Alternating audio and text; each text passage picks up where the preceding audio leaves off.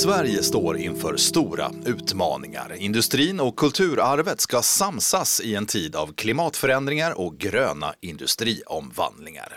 Det här är fokus för forskningsprojektet Målkonflikt som möjlighet. Lärande i norr, där grön industri möter kulturhistoriska värden och cirkulär ekonomi. Och det här är ett projekt som just avslutats men som också precis har fått finansiering ifrån Vinnova att fortsätta att utreda och fördjupa sig i de här frågorna under ytterligare två år. Och två av dem som är med i projektet är Charlie Gullström vid Sweco och Anders Holtz vid Centrum för näringslivshistoria. Charlie, det är stora frågor ni ställer i det här forskningsprojektet som ni också under rekordkort tid eh, försöker hitta några svar på. Vad är egentligen utmaningarna för eh, inte minst svensk del i den här stora omvandlingstiden som vi lever i?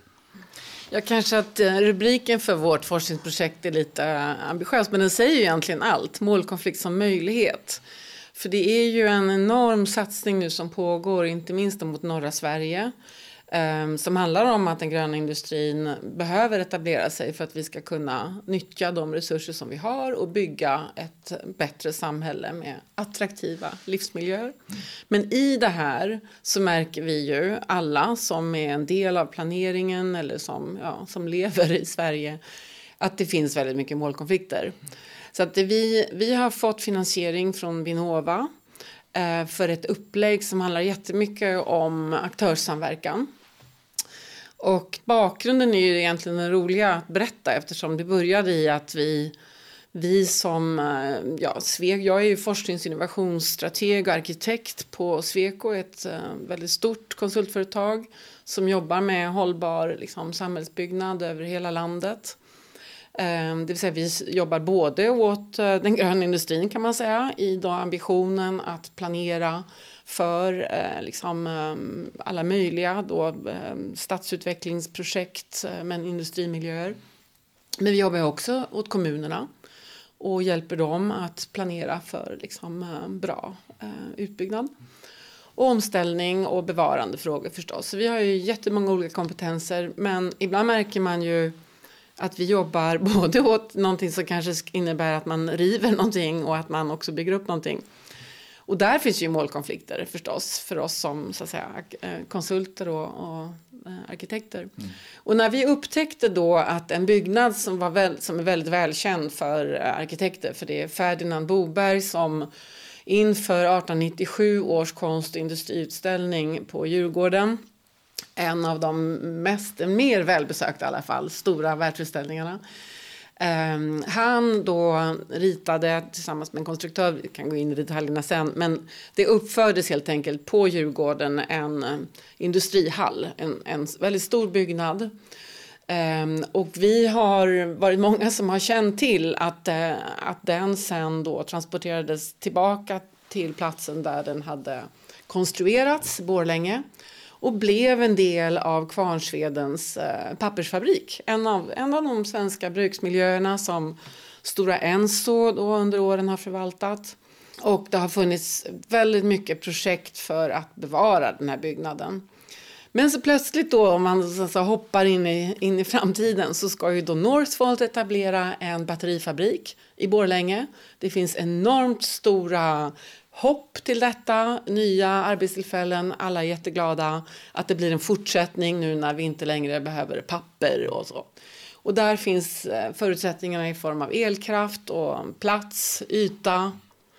Och då så står en byggnad i vägen och den eh, ska då rivas och alla rivningslov är inskickade och alla tillståndsprocesser är avklarade. Men så här kan det ju inte vara. Det här är en byggnad som dessutom var ritad för att eh, nedmonteras och ommonteras. Det har redan hänt. Så varför ska vi inte kunna rädda den byggnaden, eh, tänker jag. Och eftersom jag då har jobbat med ja, samverkan och forskning och innovation i väldigt många år. Jag var tidigare på KTH och det handlade väldigt mycket om att den här typen av då, eh, finansiering som Vinnova ger. Det handlar om att man ska hitta liksom, lösningar tillsammans med andra aktörer. Och forskarna spelar ju en stor roll i, i, det här, liksom, i sådana här projekt. Men eh, det handlar ju om att frågorna är, är, mer komplexa än att en aktör kan klara det här själv. Så jag tänkte bara att det här måste vi ha ett eh, forskningsinnovationsprojekt. Här måste vi kunna rigga någonting där aktörerna kan prata sig fram till en lösning så att vi kan fånga de här frågorna. Mm. Så då var det bara lite snabbt att försöka se, fanns det förutsättningar för att Sweco och kanske då Northvolt, eh, Borlänge kommun, så börjar man tänka vilka är, vilka är forskningspartnerna som vi skulle kunna ha med oss och då har vi egentligen då väldigt duktiga forskare inom planering kopplade till Dalarnas högskola lokalt. Och så hade vi, hittade vi historiker också uppe i norr. Då vid Luleå tekniska universitet finns väldigt mycket eh, kunskap inom eh, då både kulturarvsfrågor och eh, historia. Bevarande perspektiv kopplat till eh, samer och till liksom rennäringen och så vidare. Så att vi började knäppa ihop ett ganska spännande aktörsnätverk. Och jag minns just när jag ringde dig, Anders, eh, eh för jag insåg att här är det spännande med SSAB, Boliden, bruksmiljöer som ni hade redan dokumenterat eh, i Centrum för näringslivshistoria. Ja, du som historiker, Anders Holz, eh, som Charlie är inne på, det här är komplexa frågor. Det är någonting som händer precis nu egentligen. Dessa nya gröna eh, industrier som håller på att omvandla ja, Sverige, men egentligen hela världen. Men, men, med ditt historiska perspektiv, eh, hur har du liksom tagit dig an de här frågeställningarna i projektet? Eh, och vilken sida, om man säger så, står du på? Är det, liksom, är det så att du eh, liksom värnar mer om eh, gamla industrimiljöer än de här nya framtida industrierna? Industrierna? Ja, det var en intressant fråga. Eh, intresset för det industriella arvet har ju vaknat i stora omvandlingsprocesser. Det är det som jag tycker är så intressant. Att när samhället förändras, då förändras också synen på det som vi har och det som är arvet från ett tidigare skede. Och, det spelar en alldeles ny och aktiv roll i samtiden, just i de skedena. Och så var det på 1970-talet när vi hade avindustrialisering, begynnande globalisering, industrikriser i Sverige, då vaknade ett industriarvsintresse som sen liksom byggde vidare på 80 och 90-talen och en bit in. Men sen kanske det liksom bromsade in lite grann. Eh, nu händer ju en jättestor och fascinerande omställning i det svenska industriella landskapet. Och det är ju helt klart så att då spelar det historiska åter en helt ny roll. Och som jag ser det så kan jag inte stå på den ena eller den andra sidan. För det är klart att vi behöver de här förändringarna och vi behöver den stora omställningen. Och i många av de här regionerna så är den nya industrin jag menar, det är ju en fråga om överlevnad också. Mm. Och ni kallar ju det här projektet för just målkonflikt som möjlighet, alltså hur Precis. nya industrietableringar kan samsas och kanske till och med hitta nya värden i eh, det att bevara eh, gamla industrimiljöer eller att finnas på de här platserna, att eh, man säger så, ge ny kraft åt de här samhällena i grund och botten. Och det är ju där, precis i det du säger nu, det är där grundtanken i våra idéer ligger. Att, att målkonflikterna kan vändas till möjligheter och att det egentligen borde finnas sätt att, att eh, skapa synergier mellan en hållbarhet som handlar om kulturhistorisk hållbarhet och industriell hållbarhet som vi ju måste komma in i idag. Och även den alldeles nya industrin behöver förankring i någonting som är förflutet för att bygga eh, någonting nytt och att få en roll i ett samhälle som ju existerade långt innan de kom på plats. Mm. För visst är det så Charlie, du som arkitekt också i botten, eh, sådana här gamla tegelbyggnader tänker jag i alla fall, det är det man tänker då ikoniskt från eh, ett industriellt 1800-tal kanske. Det finns ju kvar på många platser och har ju arkitektoniskt inkorporerats i väldigt många nya svenska bostadsområden. Och så där. Det här är ju någonting som inte minst arkitekter har tänkt på länge, som vi som medborgare har lärt oss att uppskatta tror jag, de flesta av oss. Eh, det är ett tänk som är ganska väl rotat eh, i Sverige antar jag. Det här med att eh, bevara det gamla och att få det att samexistera med det nya. Jo, men från och till är det ju absolut så att man ser värdet av eh, gamla miljöer när man också bygger nya. Men, men det sker ju väldigt mycket rivning och fortfarande 2023, 2024, vilket ju jag, jag, tror att vi står just nu inför en enorm eh, omställning jag tänkte på det nyss, att det är ju inte en polaritet, det är ju inte att stå på ena eller andra sidan utan att egentligen att behöva se att vi har fler förutsättningar i Sverige om vi bara tittar på alla resurser som står till vårt förfogande. Men vi har byggt ett, liksom, vi har byggt ett samhälle och, och processer för vår planering eh, som inte längre håller. Eh, för att i, i, i de miljöerna som du kanske tänker på nu, när man då ändå bygger nya bostäder kanske in till gamla miljöer. Det är, det är mycket som ryker för att det är ganska svårt att bevara byggnader bara för att det är lite trevligt. Det, är liksom, det här handlar ju om vilka regelverk som skyddar gamla byggnader. Och då pratar vi plötsligt om byggnader men vi har många andra värden. Vi har naturvärden, vi har liksom historiska och liksom kulturarvsperspektiv som inte så att säga syns i, i de plan och byggprocesser som vi är inblandade i.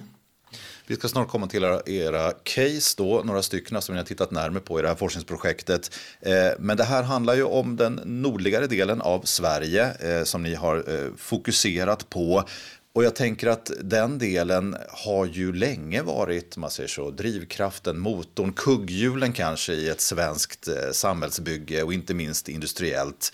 Ehm, och en särskild utmaning föreställer jag mig hur man kanske redan på medeltiden drog upp de första masugnarna och smedjorna eh, vid eh, vattendrag och sen så småningom var det här kanske rika bergsbruksbygder både i just Bergslagen eller långt upp i norr i Kiruna, Malmbergen, Boliden och idag så sker den nya omställningen också på de här platserna. Alltså det är så många lager. Hur, hur tänker man där då, Charlie, som arkitekt eller samhällsplanerare, hur man kan bevara och se alla dessa olika lager som årsringar? Ja, först måste man säga att det finns också mycket kunskap. Det finns ju väldigt mycket forskning på, liksom, som har tittat på djupet på de här frågorna som vi lite kommer in i från sidan. Men värdet av att vi har valt ut några lärcase som vi kallar det, bara det, lärcase i norr. Um, och, och titta på de aktörerna som du nämnde, Boliden som också är partner och vi har tittat då på eh, resterna av gruvsamhällen, Laver och Nautanen. det är fantastiskt spännande liksom, eh, ambitioner. Liksom sett, ja, som arkitekt kan jag tycka att det är otroligt, det är svindlande att se den ambitionen som man hade med att bygga små gruvsamhällen. Och sen då finns de inte längre. Vi ser nu ruiner av dem. Och ändå så finns liksom problembilden är kvar för det finns fortfarande, eller igen, en ambition att exploatera på de här platserna. Och då finns det ju frågor kopplade då både till det man ser rester av någonting, en svunnen tid. Är det ett, då är det ett värde för att det finns ett liksom, besöksvärde, att det är spännande att komma och eh, ta del av historien. Det kan det vara. Så hur ska vi då förhålla oss till det? Ska vi bara, är det som ett arkiv? Är det ett besöksmål? Eller kan vi använda det och bygga framtida? Alltså alla de här frågorna blir då kommunens fråga. Eh, Boliden eller de industri och gruvaktörernas frågor. Men även då människorna på platsen som är engagerade och berörda av att det ska bli bostadsområde där eller där. Men om vi inte lyckas skapa attraktivitet på de här platserna då kan vi ju inte heller då kan vi inte utveckla norr.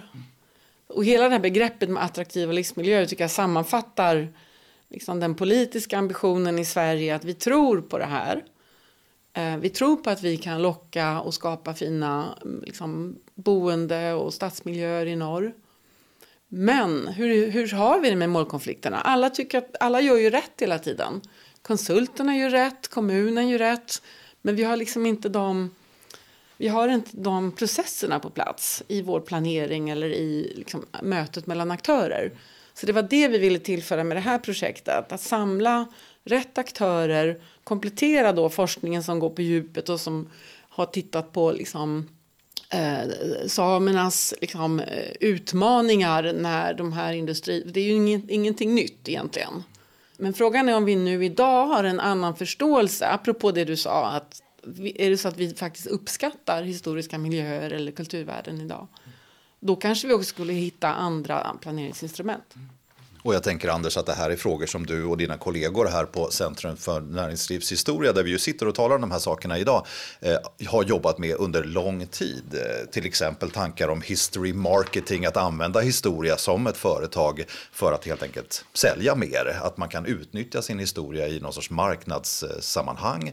Eh, hur tänker du kring det då? Är vi dåliga på det i Sverige? Är vi dåliga på att liksom se de här värdena? Är företag dåliga på detta? Kommuner? Jag skulle säga att eh, det är en ehm, aktivitet och ett sätt att tänka på som eh, håller på att utvecklas rätt så kraftigt idag. Ja, vi brukar ju tala om att historien den pekar ju naturligen framåt. Så, så är det ju verkligen. Och det vi har gjort, det har vi med oss och det spelar roll. Och historiebruk kan ju ta så många olika uttryck och det kan vara eh, positiva och det kan eh, också finnas konflikter och eh, problematik i historiebruk utan tvekan. Kommersiellt historiebruk är en, eh, jag tror att det är en potential att göra företagen mera medvetna om den roll de har spelat och att de faktiskt har ett samhällsansvar också i, i sin verksamhet. Eh, och i det här ligger också att man kan bygga ett varumärke. Så man ska inte vara rädd för historien utan man kan göra eh, historien till en integrerad del av självbilden inom ett företag. Inte minst tror jag att det är extremt viktigt när man gör ny initiativ som, som till exempel det som sker nu i norr idag. Eh, att man har med sig det historiska perspektivet. Och då inser man, vi har haft påverkan i historien. Inte allt av det vi har gjort har varit bra. Men vi har spelat en stor roll och vi har drivit fram, fram eh, samhällets utveckling. Det måste vi göra i framtiden också. Men vi måste också vara medvetna om eh, riskerna i, i det industriella som finns med. Det du tar upp nu, det här med historia som strategisk resurs, det har ju varit jätteviktigt att ni har fört fram det perspektivet under året. Och vi kunde ju se så stor skillnad när man tänker Northvolt är en ny aktör. De behöver liksom bygga framtid. Men eh, Boliden längre upp i norr eller då eh, Stora Enso på platsen i Borlänge, de har, ju, de har ju någonting att förvalta framåt. Så det har varit jättespännande att jämföra och se ambitionen som SSAB har nu och I projektet har vi också Dalarnas museum som hjälper dem kring de här frågorna att titta framåt. Men hur kan vi då hur kan vi locka Northvolt att använda historien som de så att säga har ärvt till att tänka framåt? Där såg vi ett möjlighetsfönster och, och, eller som vi då kopplade till den här byggnaden. Att använd då och bygg, bygg upp en Låt oss bygga upp en, en framtidspaviljong av resterna av Boberg för att manifestera den nya gröna omställningen i norr som ett sätt att peka bakåt men också peka framåt. Och det här tycker jag vi gör lite för lite. Att tänka på tidsaspekten framåt. Att de här nya gröna samhällsbyggarna, de är ju faktiskt samhällsbyggare. Men hur kan man, hur kan man skapa ett åtagande som inte bara handlar om att då producera energi eller batterier eller jordartsmetaller utan att också skapa ett åtagande för värden som ligger mer inbakat i livsvillkoren. Hur gör vi det? För annars är det ju egentligen det var ju enkelt för SSAB att bara checka ut och lämna över till Northvolt. De sitter där med Svarte Petter. Men lite grann blir det ju så. Så varför har vi inte tagit in det att man ska finnas på platsen under lång tid? Alltså har man ett ansvar för fler frågor än bara det som rör ens egen fastighet. Eller? Låt oss komma in på de här lärcasen då. Och eh, du, Charlie Gullström vid Sweco, alltså, är ju inne på ett av de här. Alltså, vi ska till Borlänge, eh, där Boberghallen hamnade, som alltså en gång i tiden då i slutet på 1800-talet var ja, nästan en centralpunkt i den här fina stora Stockholmsutställningen som ägde rum då. En gigantisk byggnad. Eh, Anders, som historiker, hur skulle du beskriva den här? Den finns ju, ska vi säga redan nu, som spoiler kanske, den finns inte kvar, den är riven nu. Ehm, men om vi hade gått in i den, då framförallt i slutet av 1800-talet, vad hade vi liksom upplevt? Ja, 1897 så var ju det här ett, ett svindlande rum. Det här var alltså, det är som en uppblåst, uppförstorad järnvägshall med den absolut senaste ståltekniken. Det, det är som en sorts fackverkskonstruktion. En, ett tält egentligen, alltså en stålstomme som bär upp canvasväggar och tak helt enkelt som var genomsläppliga så att ljuset skimrade in. Mm. Och i det här så kunde man då se all den tiden, 1890-talets high-tech i form av maskiner, ångmaskiner men elektricitet inte minst. Och alla möjliga tillämpningar av den här nya tekniken. Så det var en sorts framtidsvision kan man säga vid den här tidpunkten och byggnaden förstärkte hela det där, den där upplevelsen, det monumentala. Så mm. den signalerade total modernitet skulle jag säga 1897. Och som så mycket annat under den här Stockholmsutställningen, det var ju många fantastiska byggnader som ställdes upp där. De stod bara ofta en väldigt kort tid och sen så försvann de, flyttades och det var också ödet för den här Boberghallen som återvände som Charlie sa till eh, detta Borlänge där det hade byggts en gång i tiden. Då. Mm. Det ställs upp där och får kanske inte samma eh, man säger så, folktillströmning då förstås som när det var då en, en nod i Stockholmsutställningen. Men har stått där i drygt hundra år då. Ja. Ja, verkligen. Det är som du säger, det, det, det blir en förändrad funktion. Alltså, den blir ju en industribyggnad. Den demonteras, den fraktas per tåg från Stockholm tillbaka till ursprunget i Borlänge och, och uppstår igen på Kvarnsvedens pappersbruk. Och den rymmer ju hela pappersbruket som vid den här tidpunkten var ett av Europas största och mest moderna pappersbruk. Och, eh, så den signalerar ju en ny sorts modernitet men i en äh, utgör en produktionsanläggning. Saken är då att man täcker in byggnaden vid den här tidpunkten så det är inte någon canvasduk inte längre utan nu så är det tegelfasader och eh, betong inklätt eh, innan, innan mäte också. Fast den här fantastiska stålkonstruktionen är då intakt. Om än nedgrävd, eh, åtminstone ett våningsplan ner i marken. Så den blev något mindre imposant, kanske åtminstone från utsidan när man kom och såg den då. Men där fortsätter den ju i hundra år att fungera som en eh, aktiv industrilokal. Den får alltså ett väldigt rikt efterliv kan vi säga. Varför står den inte i Borlänge idag då? Vad var det som hände med Boberghallen? Ja, det där är ju en komplex fråga verkligen och man kan verkligen fråga sig varför det blev som det blev. Det var inte så att den helt och hållet glömdes bort genom åren utan tid efter annan så kom det idéer om att ja, det här börjar nu bli lite för litet för att driva ett modernt pappersbruk. Det kom alltså nya generationer av eh, hallar intill på Kvarnsvedens pappersbruk som ersatte den här men då tänkte man ju att det kunde finnas nya möjligheter. Man kunde flytta den, uppföra den, hitta andra möjligheter och göra en, en symbolisk användning för den snarare då kanske. Eh, men ingenting av det där förverkligades egentligen av ekonomiska och andra skäl. Eh, många goda viljor, men kanske inte någon som hade de resurser eller absolut den riktigt starka viljan i kombination med inflytande att faktiskt genomföra dem. Så till slut så stod vi i en situation där vi hade en nyindustrialisering, en, en, ett initiativ. Och vad ska man då göra i ett samhälle som Borlänge? Jo, då finns möjligheten. Nytt industriintresse dyker upp och Northvolt etablerar sig. Och då är det klart att då är det ganska svårt att hävda ett bevarande i den situationen när, eh, när arbetstillfällen ligger i vågskålen. Mm.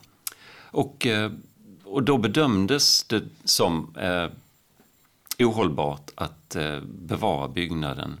Det kan ju diskuteras eh, på vilka grunder det bedömdes. Men som det blev nu så revs eh, hallen i början av 2023. Och eh, där kommer man, räknar man ju med att uppföra en ny industrihall för batteritillverkningen. Men Charlie, i det här projektet så pratar ni om, om återvinning, om återbruk, om cirkulär ekonomi. Alltså, vad hade man kunnat göra med en sån här hall då, som ju även tidigare i historien hade flyttats? Den var ju liksom förhållandevis mobil för att vara en så stor byggnad. Vad fanns det för liksom lösningar på detta egentligen, som du sa? Ja, men I det du hör Anders berätta här så var det är ett exempel på grön eller fossilfri eh, hållbar byggnad måste man säga, som transporterades via tåg och så vidare. Så att det fanns ju en, som vi såg den möjlighet att göra den berättelsen en gång till. Att man skulle kunna liksom, eh, ja, konstruera en ny en paviljong utifrån de här delarna. För det är väldigt, det är väldigt vackert. Liksom. Ja, väldigt vackra bågar vi pratar om här. Ehm, men just i det här ljuset av cirkulär ekonomi då är det många som säger men vadå, vi kan ju smälta ner det här, vi tar alltid tillvara på delar när vi river någonting. Det gör man ju inom industrin, det förstår jag ju. Men det är ju värdet av någonting som är sammansatt, som är en helhet, en gestaltning. Eh, det är faktiska artefakter från eh, en svunnen tid. Så det är ju ehm, tråkigt eh, då att vi kom in så sent i det här. Och jag är väl inte den enda arkitekten som blir liksom väldigt engagerad huskramare. För det, det, det händer, det blir man verkligen. Man, man ser eh, en, möjlighet att det här skulle kunna få en annan eh, framtid. Och, och just genom att, då, att vi kunde prata med vi hade både stadsarkitekten, industriaktörerna, de eh, engagerade rivarna eh, i rummet. Men fem i tolv, det var alldeles för sent. Så jag tror inte vi, vi kunde inte hitta den eh, lösningen då. Och det är någonstans där som man behöver börja gräva det och det är det vi har försökt kartlägga. Var hade man kunnat hitta lösningar på det här? Alltså kommunen hade ju liksom fått den här byggnaden en gång i tiden. Eh, för en krona. Ja. Det, det, är precis som du säger, alltså, i det här ligger grundproblematiken. Det handlar liksom inte om enskilda aktörers ovilja eller eh, rivningsraseri eller någonting, utan det är många olika aktörer som var och en strävar efter att lösa sin uppgift på ett liksom, ansvarsfullt sätt. Men det de ser är ofta eh, just en tårtbit i en stor helhet och, och en komplext planeringsprocess som går över lång tid där tidiga beslut plötsligt spelar avgörande roll i ett senare skede. Och det vi pratar om i projektet handlar mycket om hur man kan bygga in mekanismer i systemet, i planeringsprocessen som gör att man långt tidigare eh, kan bygga in kunskap om de här ska vi säga, värdena, de kulturhistoriska värdena men det handlar ju också om bredare samhällsvärden än, än, än så också vad handlar det om rent konkret då egentligen? För som ni säger, det är egentligen ingen som har gjort fel i det här eh, exemplet som vi nu pratar om, Boberhallen i Borlänge. Men alltså, vad är det för ny kunskap och hur kan den föras ut? Vilka ska förvalta den kunskapen? För att det här eh, ska funka bättre i framtiden? Ja, men det är väldigt komplext det här. För det är ju en kombination av att vi har regelverk som vi har eh, plan och bygglagen som i varje stund måste tolkas och som kanske inte ger ett så starkt skydd för vissa av de här eh, ja, artefakterna eller värdena vi pratar om. Och då blir det ju en fråga om vilka metoder, vilka processer använder man i kommunen när, när man blir uppvaktad av en en grön industriaktör som ska etablera sig. Man följer de processerna man har. Och då blir det det som vi är inne på, att alla gör egentligen rätt. Men alla skulle kunna ha gjort så väldigt mycket mer. Det är väldigt, det är väldigt svårt att, att prata om de här frågorna. Um, vi, vi, tror att vissa av planinstrumenten är alldeles för trubbiga helt enkelt. Och att det är det man måste, man måste gå, gå till botten med det. Eh, för att ge ett bättre stöd för de tjänstepersoner i kommunen som för den här dialogen. Både med konsulter och med då industrin som kommer in. Och det tror jag man ser lite överallt i landet nu. Där de här eh, ja, batterifabriker och andra. Eh, därför att man också jobbar så väldigt aktivt med sin liksom, klimatomställningen som, som ju har enormt stor påverkan på hur vi, vi ska planera. Så att hur vi kan klimatstyra så att säga, kommunens eh, omställning men samtidigt ta tillvara de här värdena. Det har vi tyvärr inte med oss i de regelverk som är redan satta. Men vi har några unika grejer som inte resten av Europa har liksom inte en politik för gestaltad livsmiljö, vilket vi har satt i Sverige som ett instrument. Men det är kanske också lite för trådigt och för vagt för att liksom arkitekter eller då antikvarier ute i landet ska kunna jobba med det. Mm. För jag tänker, kanske låter lite krasst då, att det mycket handlar om eh, kronor och ören förstås. Att om man kan sätta en prislapp också, förutom regelverk och diskussioner, eh, till exempel som du nämner Charlie, om gestaltad livsmiljö. Men om man kan ha en, en, liksom en, en ekonomisk uppfattning om hur mycket bättre vi mår av att leva i historiskt eh, spännande och vackra miljöer till exempel. Eller ifrån Centrum för näringslivshistorias eh, synvinkel då, vad ett företag kan tjäna på i kronor och ören att att bevara eller utnyttja sin historia. Men de här siffrorna kanske inte riktigt finns idag. Det är väl någonting som vi måste bli bättre på att, eh, att omsätta i en sorts även ekonomiskt värde. Definitivt så är det. Men, men jag tror att, att det är en process som är igång i alla fall. Och, eh, och vi måste se en bredare, alltså en bredare, få en bredare bild av ekonomin. Så att vi inte landar i en kortsiktig ekonomism utan det är en ekonomi som inkluderar många olika värden men också tillmäter dem ett, även ett ekonomiskt värde faktiskt. Ja. Men här vill jag komma in för att jag menar då att kronor och ören det är en valuta som vi känner till ganska väl och som vi egentligen har byggt upp vårt samhälle med eh, i den linjära ekonomin. Men just eftersom det här uttrycket cirkulär ekonomi har begreppet ekonomi i sig så måste vi börja prata om fler valutor som kan komma in i det här. Och då har vi liksom, ja, kilowattimmar och koldioxidekvivalenter, det är också valutor. Men vi har även människors så att säga, tid, välbefinnande, de här liksom, kulturvärdesperspektiven som vi behöver hitta valutor för att få med. Liksom, mer mångdimensionella modeller för att kunna adressera de här frågorna än det vi liksom är vana vid. Vi har byggt upp ett fantastiskt samhälle men vi har just sorterat eh, saker liksom lite väl grovt. Vi har pratat om Boberghallen i Borlänge. Vi flyttar längre norrut eh, till Bolidens eh, gamla koppargruvor i norr. Det här är i utkanterna får man väl säga av Älvsbyn. Eh, ni har tittat närmare på något som kallas för Lavergruvan som lades ner vad jag begriper på 40-talet. Men än idag så finns resterna av det här lilla gruvsamhället som det var som en spökstad i skogarna utanför Älvsbyn. Anders, kan du beskriva hur den här platsen ser ut idag? Ja, det är ju en fascinerande plats, verkligen. Alltså idag har vi ett landskap som är där skogen har återtagit sin plats på något vis men, men vi har ju väldigt tydliga strukturer och lämningar från de här byggnaderna som gör att man inser vilket idealsamhälle man ville bygga upp där på ja, mitten av eller ska vi säga 30 och 40-talet som, mm. som det ju var. Mm. Jag såg någon bild på, på nätet, man ser liksom en skylt mot eh, Folkets hus eller någonting. Huruvida huset finns kvar verkar liksom osannolikt nästan, men liksom en, en gammal vägskylt finns kvar liksom, eh, mitt ute i skogen. Ja, jo då, och ruinerna finns kvar, det gör de. Och likaså, jag menar badhus och det var skolor och det var plats för sådär 350-400 människor som bodde och arbetade här. Eh, i koppargruvan som, som drevs på den här platsen. Mm. Så det var, det var ett livaktigt samhälle men det övergavs när koppargruvan blev olönsam. Och, och sen blev det ju som du säger en spökstad. Mm.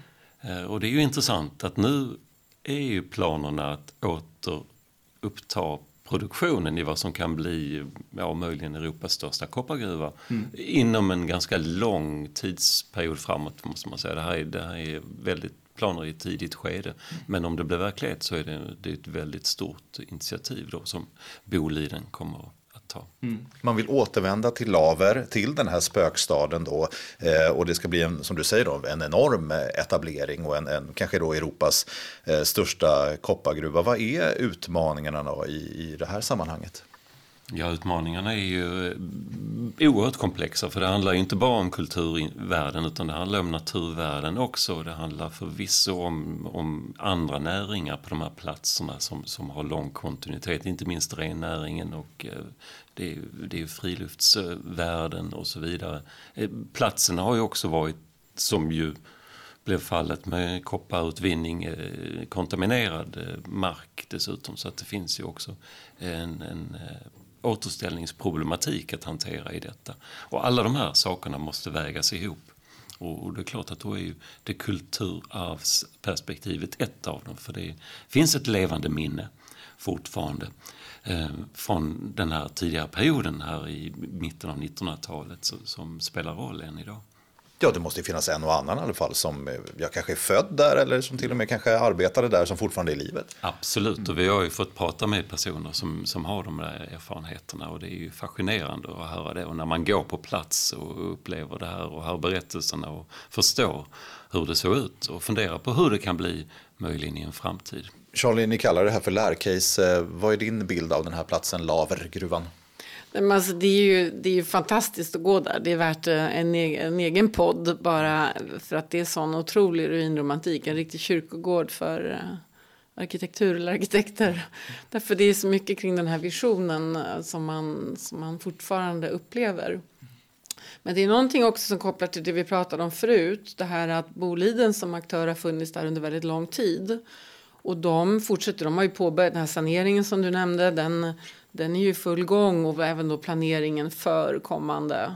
Men då måste man börja prata om vad är skillnaden mellan det formella kulturarvet och kanske det informella. Igen, tillbaka lite till vilka, vilka, vad är det som skyddar vad? För det, det Laveri klassas som vad vi har fått lära oss det är övrig kulturhistorisk lämning. Um, alltså det, det, det, här tycker jag är väldigt intressant. Vi har liksom byggnader, vi har rester från industrihistoria, vi har, liksom, eh, vi har landskap, vi har liksom renäring. rennäring. Alltså det är så många frågor på samma plats som möts. Um, så att i det här fallet, det man märker att Boliden nu tänker, det är ju liksom att lämna, vi, läm vi går inte in i det, det får, det får bli ett besöksmål. Och på ett sätt så är det också ett, ett bekymmer. För det ska ju byggas bostäder i närheten och det ska liksom bli en, eh, en gruva, ett dagbrott ska fram. Så målkonflikterna finns överallt i all planering. Ehm, så det är ju egentligen, det måste man bara konstatera. Man löser kanske aldrig målkonflikter, men man kanske kan ha bättre verktyg för att se var liksom, korskopplingar och problem behöver adresseras och vilka som ska komma in där. För att kommunerna har ju inte all kompetens in-house. De kan inte, de har inte historiker, de finns kanske i, eh, i helt andra sammanhang. Och kulturarvskompetensen. Och jag tänker utifrån ett eh, kanske musealt perspektiv så, så är det kanske önskvärt att bevara den här platsen som en spökstad och man kan återvända till den och uppleva den så som den är idag. Den kanske kommer bli mer och mer förfallen om 100, 200, 500 år kanske inte finns så mycket, många ruinrester kvar för all del. Men samtidigt så är ju det här platser uppenbarligen som ni berättar om som har en lång industriell historia, som har många eh, kulturarv, industriella minnen. Eh, och där då den här nya omställningen av Sverige idag, nya koppargruvor till exempel som blir allt mer värdefullt och, och intressant i ett elektrifierat samhälle, eh, på något sätt eh, driver på en utveckling där, där man kanske tänker att vi, vi har inte råd, det är inte intressant att, att spara då museala miljöer, utan det här är ett exempel på en plats i Sverige som som har fått ett nytt liv och som, där, det, där det nya kanske ska liksom byggas över det gamla. Eller hur tänker man där? Nej, men det tror, egentligen tror jag inte det. Utan jag tror att man ser värdet av eh, det här som en, ett, ett besöksmål. Så. Så, och bevarandeperspektiven kan man då lägga på det. Hur ska, det blir som ett friluftsmuseum.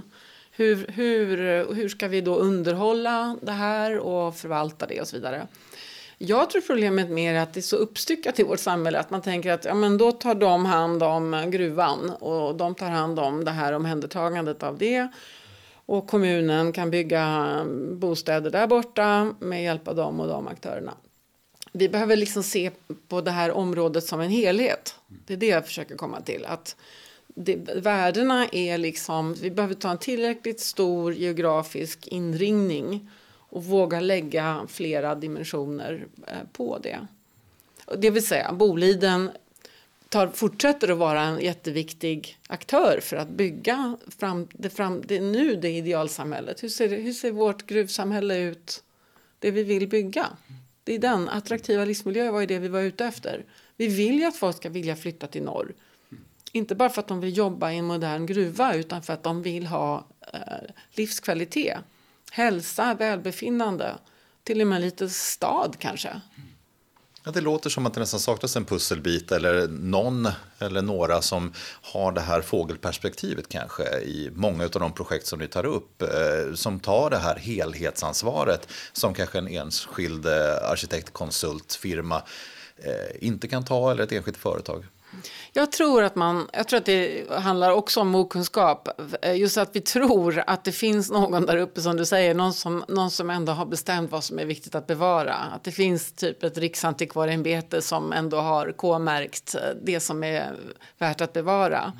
Och insikten bara från ett väldigt kort projekt, när vi har bara tittat på två, tre case, det är ju att det där skyddet är, ser, inte, det ser inte ut så.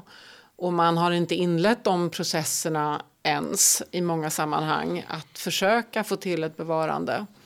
Och det betyder ju att det liksom är väldigt, det är mycket gungfly. Um, och att de här värdena håller vi fortfarande på att förhandla kring. Liksom. Vad är, det, är det där viktigt? Är det viktigare än, än något annat?